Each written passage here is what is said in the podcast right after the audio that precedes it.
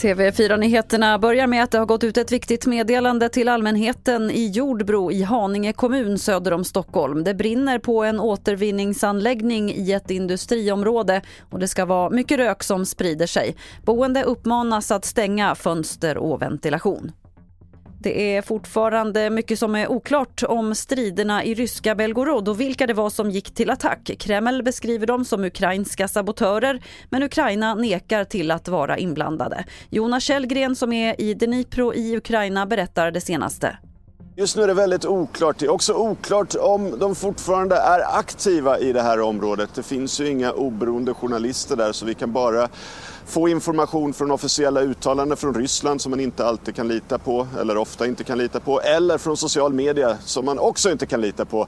Eh, de här grupperna säger att de fortsätter strida där men det är oklart var och hur och, och exakt vad som pågår.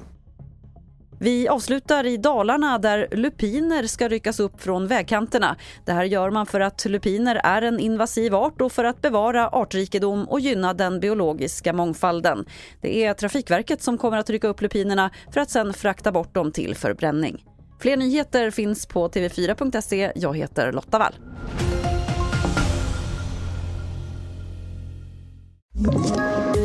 Poddtips från Podplay. I podden Något Kaiko garanterar östgötarna Brutti och jag, Davva, dig en stor dos skratt. Där följer jag pladask för köttätandet igen. Man är lite som en jävla vampyr. Man har fått lite blodsmak och då måste man ha mer.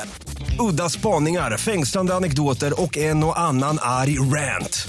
Jag måste ha mitt kaffe på morgonen för annars är jag ingen trevlig människa. Då är du ingen trevlig människa, punkt. Något Kaiko, hör du på Podplay. Därför arkadeinerna.